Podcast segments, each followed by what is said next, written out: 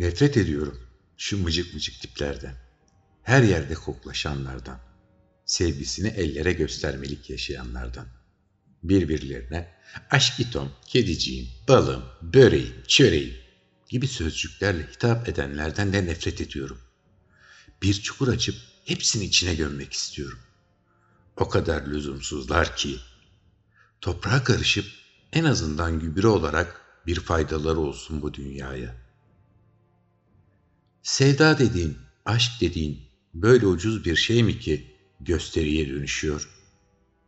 Bizim zamanımızda böyle miydi ya? Sevdiceğinin gözlerine bakmaktan, elini tutmaktan imtina ederdin. Sanki o gözlere baksan dipsiz kuyularda kaybolmaktan, kendini yitirmekten korkardın. Ellerini tutsan, o tenden senin tenine kor ateşler akacak sanırdın. Yüreğin kaldırmazdı. De ki attın kendini o ateşe, mühürlenirdin. Şimdi bir tenden başka bir tene çorap değişir gibi geçmiyorlar mı? Deli oluyorum. Ve ben Efsun'u ilk gördüğümde anlamıştım. Ömrümce başkasını sevemeyeceğimi, onun altın saçlarında eriyeceğimi, derya gözlerinde yitip gideceğimi anlamıştım. Deli gibi korkup kaçmak istedim önce, beceremedim. Pervane oldum etrafında. Onun güzel yüzünde kayboluyor, izlemeye doyamıyordum. Beni gerçekten görmesinden ölesiye korkarken, beni görmesi için ne dualar ettim. Anlamadınız mı? Gerçekten görmek. Gerçek beni görmesi yani.'' Her insanın dış kabuğun altında saklanan bir özü vardır. Özümüz bizim en gizli hazinemizdir. Herkes görsün. Herkes bilsin isteyemeyeceğimiz bir hazine. Çünkü o hazinenin içinde parlayan bilgeliklerimizin yanı sıra başkalarının görmelerinden korkacağımız canavarlarımız da vardır. En çok da o canavarları saklamak için dış kabuğumuzu cilalarız.'' İyi insan maskelerimizi takınırız. Maskelerimizle dış görünüşümüzle süslediğimiz başkalarına satmaya çabalarız. Oysa bizi gerçekten sevenler canavarlarımızı görüp de kaçmayanlardır. Annemi hep elinde tesbihi, başucumda dualar okuduğu haliyle hatırlarım. Yedi saat sürmüş beni dünyaya getirmesi. Çığlıkları tüm köyü inletmiş.'' O zamandan belliymiş böyle iri yarı olacağım. Ben doğarken bile yakmışken onun canını, o beni hiç incitmedi ama daha süt bebesiyken terk etti bizi. Babamı terk etmesinin nedeni malumdu. Şiddet. Ama beni neden terk ettiğini kimseler anlayamadı. Çok konuştular arkasından. Özümü ilk o keşfetmiş, Hazinemde saklı canavarlarımı görmüş olmalı. Kızmıyorum ona. Nerededir, ne yapar, hayatta mı yoksa kavuştu mu Rahman'a bilmem. Onun canavarı korkaklıydı. Onu affediyorum ama babamı affetmedim. Annemden sonra beni evimizden köyümüzden koparışını, şehir denilen bu bok çukuruna getirmesini, tenden tene gezişini affetmedim.'' Eve sarhoş gelişlerinde bana ettiği eziyetleri, annemin hatıralarına saygı duymadan yatağına soktuğu kadınlarla eğlenişlerini ve tüm bunları yaparken aç yattığım geceleri önemsemeyişini affedemedim. Birine sevdalansa ve onu evine kadın, bana ana yapsa saygı duyardım da cezasını kesmek zorunda kalmazdım.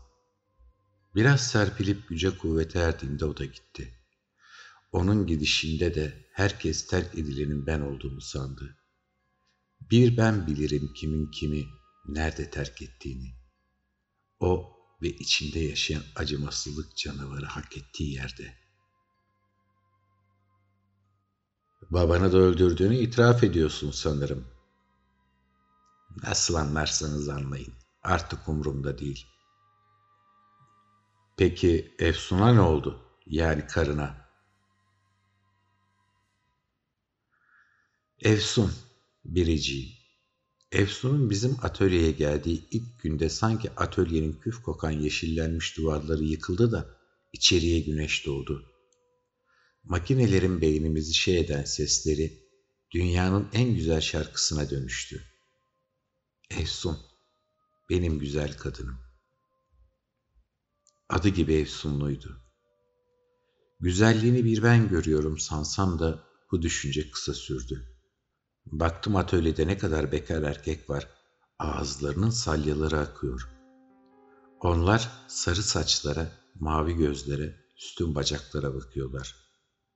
Ben Efsun'un özüne. Efsun saf, Efsun iyi kalpli, cömert, saygılı. Efsun'un tek canavarı kıskançlığı. Onlar benim gibi sevemezler bu nadide çiçeği, dedim, çabuk davrandım. Efsun'un gözlerine bakıp seni seviyorum dedim. Elini tuttum. Sinemaya götürdüm de sağını solunu mu okşadım sanıyorsunuz?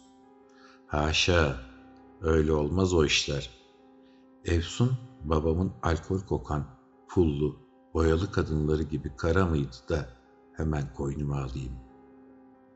O beyazın kendisiydi nazarımda, kirlenmemeliydi. Bir iş çıkış takip ettim. Evlerini öğrendim. Birkaç gün sonra giyindim en kral kıyafetlerimi. Limon sıktım saçlarıma. Sinek kaydı tıraşlı dikildim babasının karşısına. Dedim, niyetim ciddi, ustabaşıyım, gelirim de iyi. Kimim kimsem yok ama babadan kalma evim ve otomobilim var. İçki koymadım ağzıma, tütünü de sevemedim gitti. Kızınıza düşen gönlüm başkasına düşmemişti. Düşmez de. O vakitler benim yaş olmuş 34, Evsun daha 19'unda. Nemrut anası pek beğenmedi beni. Neymiş, yaşım çokmuş. Bu zamana evlenmediysem bir kusurum olmalıymış. Mış mış mış mış. Muharrem Baba he deyince itiraz edemedi. Kaynanamın canavarı para gözlüğüdür. O da maaşıma, evime kandı da sevdi beni sonradan. Evlendik, bir yastığa baş koyduk. Evsun ürkek bir yavru kediydi önceleri. Sonra sonra evin içinde seke seke gezen bir ceylan, dışarıda namusuna laf getirmeyecek bir panter verdi. Kim yan bakabilirdi ki zaten Efsun'uma? Başı önünde benimle işe gitti, benimle döndü geldi. Ee amca, sadede gelsen diyorum artık. Karına ne oldu? Ana olamadı. Yavru alamadı kucağına. Bunun için gücenmedim ona. Rabbim böyle istemiş demek ki. Kararından sual olunmaz. Çok dil döktüm Efsun'a. İnci tanelerini bu kadar akıtma. Hasta olursun. Bana sen lazımsın, dedim. Hastalandı, dayanamadın, öldürdün yani. Yok, hastalanmadı. Tövbe estağfurullah. Bak amca, sen farkında değilsin sanırım durumun. Bir kere daha açıklayayım. İyi dinle. Karın Efsun Soykan, yaş 43. Cesedini ormanda bulduk. Neredeyse iki aydır ortada yokmuş. Yokluğunu bildirmemişsin. Sen de çok ortalarda görünmeyince komşular şüphelenmişler. Bir de iki ay önce bir sabah evinizden yükselen çığlıkları duyan şahitler var. Karının bağırışı olduğuna yemin ediyorlar. İyisin, hoşsun, güzel konuşuyorsun. Hatta çok güzel konuşuyorsun da gözünü seveyim yorma artık bizi. Anlatıyorum ya evladım, dinlemiyorsun ki. Siz gençlerin saklamaktan çekinmediğiniz canavarınız da bu. Sabırsızlık. Zafer Başkomiser aslında genç sayılmazdı. Sabırlı biri hiç sayılmazdı. Lafı dolandıran insanlara karşı öfkesi çabucak kabarır, tepesinin tası atardı ama bu adama karşı oldukça sabırlı yaklaşıyordu. Adam sorgu odasına girdiğinden beri bir dünya şey anlatmıştı ama laf karısına geldiğinde bir türlü konuya giremiyordu. Zafer'in kafası çok karışıktı. Çünkü karşısında oturan bu nur yüzlü adamla ilgili övgü dolu sözler işitmişti. Kimse karısını öldürebileceğine ihtimal bile vermiyordu. Emekli olduğu iş yerinden çalışma arkadaşları, mahalledeki komşuları adamı yere göğe sığdıramıyordu. Kaybolan eş Efsun'un babası Muharrem Bey bile damadından şüphe etmeyeceğini, ona sonuna kadar güvendiğini vurguluyordu. Üst katta oturan kadın bir süredir üniversitede okuyan oğlunun yanında kaldığını söylüyor, adamın katil olmasının mümkün olmayacağını ağıtlarla aykırıyordu. Adamın iyilik timsali olduğuna yeminler ediyordu. İfadeler bu minvalde olsa da adam karısının kaybolduğunu bildirmemişti. Bu normal bir durum değildi. Kadının cesedinin bulunduğu ormanlık alanda adama ait bir av kulübesi vardı ve kadının cansız bedeni kulübenin yakınlarında bulunmuştu. Üzerine yağan kar yüzünden kısmen de olsa korunmuş olan maktulün kimliği tespit edildiğinde kadının kocasına ulaşılmaya çalışılmış ama adam ancak sekiz gün sonra bir dostunun dağ evinde bulunabilmişti. Şimdi de babasını öldürmüş olabileceğine dair sözler söylüyordu ki bu sözler mecazi de olabilirdi. Hüseyin komiser kollarını birbirine bağlamış, sandalyede geriye doğru kaykılmış oturuyor, bir yandan da sağ dizini sallayıp duruyordu. Amca, bak ben geriliyorum.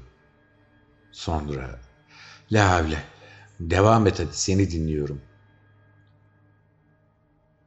Efsun bir bebe alamadı kucağına ama dört bebeğe analık etti. Büyüttü onları. Ben de babalık ettim sayılır hani. Giydirdim, aşlarını da, haçlıklarını da eksik etmedim. Okuttum. Benim bir kaynım vardı, Sedat. Adı batasıca. Dört çocuğu peş peşe yaptı bıraktı hanımına. Ayfer kız çok içli, çok gariban. Onun canavarı beceriksizlik. Elinden pek iş, aş gelmez. Bebeleri de biz olmasak perişan ederdi. Beceriksiz falan ama yıllarca boyun eğdi kocasının haytalıklarına. Sedat'ın canavarı bir değil, iki değil. Kumara bulaştı önce. Borç ettiğini duyduk sağa sola. Muharrem baba kapattı borçlarını. Çekti oğlanın kulağını. Adam oldu sanıyoruz. Bir gün bizim atölyeden bir Kamil vardı. Antepli. O geldi bana. Kamil'in canavarı da dedikoduculuğudur. Bu kez işe yaradı. Bizimkini batakhanede gördüğünü fısıldadı. Yine gırtlağa kadar borçlanmış. Bu kez hırgür çıkmasın, Ayfer kız üzülmesin, Efsun'um utançtan boyun bükmesin dedim de ben kapattım borçlarını. Allah'tan bizimkisi çapsız da büyük paralarla boyumuzu aşmamış. Neyse, adam oldu bu. Bir süre kapatır kumar defterini. Sonra duydum tütün çiğner, sigara sarıp içer olmuş. Aman dedik, kumara bulaşmasın da. Meğer onun kadar beter bir şeye bulaşmış mikrop. Bağımlılığın eşiğinden aldık. İçi dışı temizlenene kadar evimizde baktık. Sonra da üst katımızdaki kiracımızı çıkardık da bunları gözümüzün önüne yerleştirdik. Atölyede bir de iş ayarladık Sedat'a. Bizimle birlikte gidip gelsin diye. Efsun nasıl utanır abinden anlatamam. Ellerin yanında görmezden gelir. Dördüncüye hamile olduğu vakitlerde Ayfer bacımın. Sedat atölyeden bizimle çıkıyor ama yolda ayrılıyor. Duyuyorum ki eve geç geliyor. Sağda solda takılıyor. Aman dedim, yoruluyordur, ilişmeyin de bunaltmayın oğlanı. Bir oldu, iki oldu derken bizim atölyeye de eve de uğramaz oldu.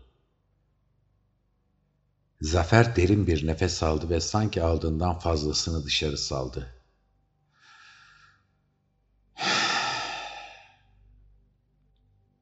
Amca, anladık Sedat hayattaymış da konuyla bir ilgisi var mı? Vallahi sabrım taşıyor. Böyle tatlı tatlı anlatıyorsun. Masal dinler gibi dinletiyorsun kendini de bizim de vaktimiz değerli. Bak bu çocuk evine gidecek, yorgun. İki gündür uyumadı. Hadi deyiver de neden karını aramadın, bize haber vermedin? Sen mi öldürdün? Evli misin sen evladım? İnsan yuva kurmalı. Yuvasız canlı gördün mü şu dünyada? Yuva güvendir, mutluluktur. Hele o yuvaya girip kapını kapattığında dünyanın dertleri de o kapının ardında kalabiliyorsa, o yuvayı bir eş neşelendiriyorsa o yuva huzurdur. Ben yuvasız bir kuş gibi büyüdüm. Kanatlarım kırıla kırıla uçmayı öğrendim. Ne önüme düşenim vardı, ne ardımda dağ gibi duranım. Sedat hata etti. Hem de büyük hata etti. Yuvasını başka bir dişi kuş için dağıtmaya meyletti. Ben her şeyi affederim de bunu affetmemişti. Onu takip edip şıllığın koynundan çekip aldığımda ilk kez bana direndi. Direndi de ne oldu? Yine de gitti. Hatta o şıllıkla beraber gitti. Kaynın evi terk etmiş. Başka kadınla çekip gitmiş. Bu da tamam da karın diyorum. Ha işte herkes de senin gibi düşündü. Öyle bildi. Ayfer bacım da üzülmedi. Hep beddua etti. Benim de işime geldi. Ama yıllar sonra ilk defa benim canavar çalıştığımda bir terslik oldu. Adamı vurduğumda sıçrayan kanı pantolonuma bulaşınca benim Efsun'un kirli çamaşırlarla birlikte pantolonu da yıkayayım deyince kanı görünce Hüseyin neredeyse uyumak üzereyken bir anda sandalyede dikleşti. Tıpkı Zafer gibi o da hayretle sakin sakin konuşan adamın yüzüne dikti gözlerini. Adamda en ufak bir ses değişimi bile olmamıştı ama adam işlediği bir cinayeti bu kez açıkça itiraf ediyordu. İçimdeki canavarı da gördü. Dedim ya, onun içindeki canavar kıskançlıktır. Beni Ayfer bacımdan bile kıskandı olmuştur.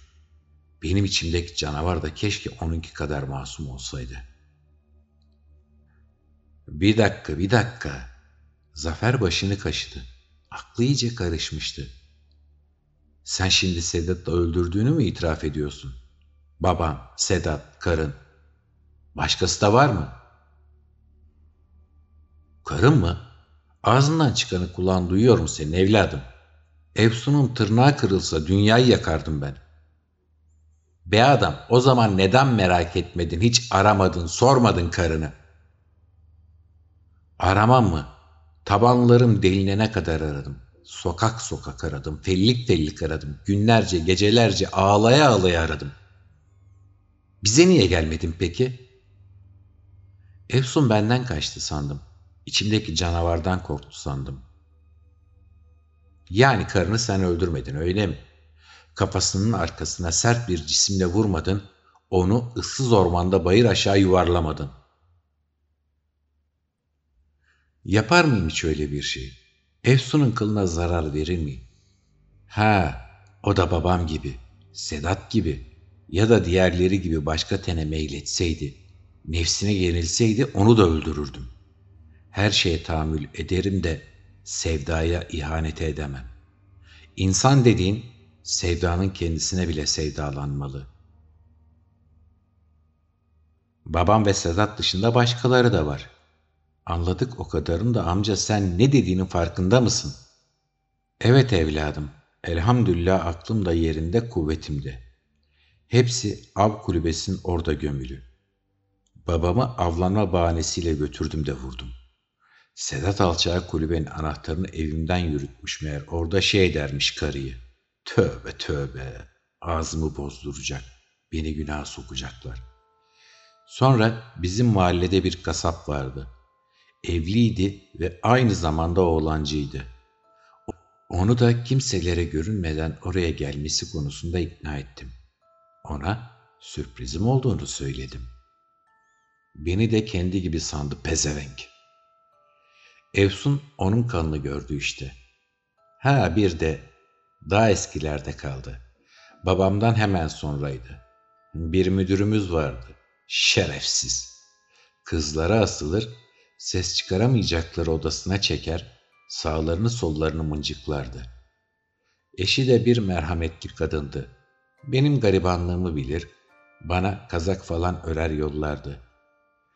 Hak etmemişler mi sen söyle.'' Hepsi kanserli bir hücre gibi insanlığın hastalıklı yanıydı. Islah edilemez canavarları vardı. Amca, onların cezasını vermek sana mı düştü? Ne yaptın sen? Hüseyin'in ses tonunda merhamet ve acıma vardı. Kanunlar olmasa başkomisere gönderelim gitsin bu adamı diyecek gibi bakıyordu. Zafer onu aldırmadan sorguya yakışır sertlikte bir tonlamayla sordu. Karın pantolonu bulunca ne yaptı? Adam da Zafer'in tersine sanki dizini oturttuğu torununa masal anlatır gibi bir sakinlikle konuşmaya başladı. Bastı yaygarayı, kanın nereden geldiğini sordu. Ben karıma her şeyi anlatırdım. Canavarlarımdan başka her şeyi. İte köpeğe bulaşsan söylerdim. Bu kan nereden bulaştı bir adam? diye sordu durdu. Bunca yıllık karım beni anlar diye düşündüm. Anlattım her şeyi. Diğerlerinde kılı bile kıpırdamadı fakat Sedat'ı duyunca çığlık çığlığa. Kötü de olsa, alçak da olsa kardeşti işte. Canı yandı meleğimin. Konu komşu duyacak diye ağzını kapattım ama duymuşlar işte. Sonra konuşmadı benimle. Günlerce gözünü kırpmadı. Yanıma sokulup yatmadı. Döndü durdu evin içinde. Bir gün çarşıya çıktım. Döndüm ki benim ay yüzüm gitmiş. Baktım kulübenin anahtarı da yok. Anladım abisini bulmaya gitti. Hemen peşine düştüm ama bulamadım. Ormana yakın köye giden araçlara sordum. Resmini gösterdim. Tanıyan çıkmadı. Zaten eve hiç girmemiş. Girse yerlerdeki tozlarda ayak izi kalırdı. Etrafa bakındım yok. Derken kar başladı. Önce sulu sulu yağdı mübarek. Her yer çamur oldu. Kayıyor ayaklarım. Kulübe yamaçta kayıp düşmek, kafayı göz dağıtmak var işin ucunda. Dedim, Efsun çamuru karı yaşı sevmez dönmüştür eve. Belki de hiç gelmedi o yana. Ben de döndüm eve. O gün, bugün bildiğim her yerde Efsun'u arar dururum. Beni terk ettiğini yediremediğimden, sebebini de sevdamı bilen herkes açıklayamayacağımdan sessizce ararım hem de. Ben kıymet bilirim evladım. Efsun'um da kıymetlimdi. Yaşlı adam cebinden kolalı bir kumaş mendil çıkardı. Nemli gözlerini usulca sildi ve boynunu büküp sordu. Şimdi siz deyin bana, Efsun'uma ne oldu? Dinleyene not. Herkesin içinde bir canavarı varsa sizinkine. Aşağıya yorum olarak bırakabilirsiniz.''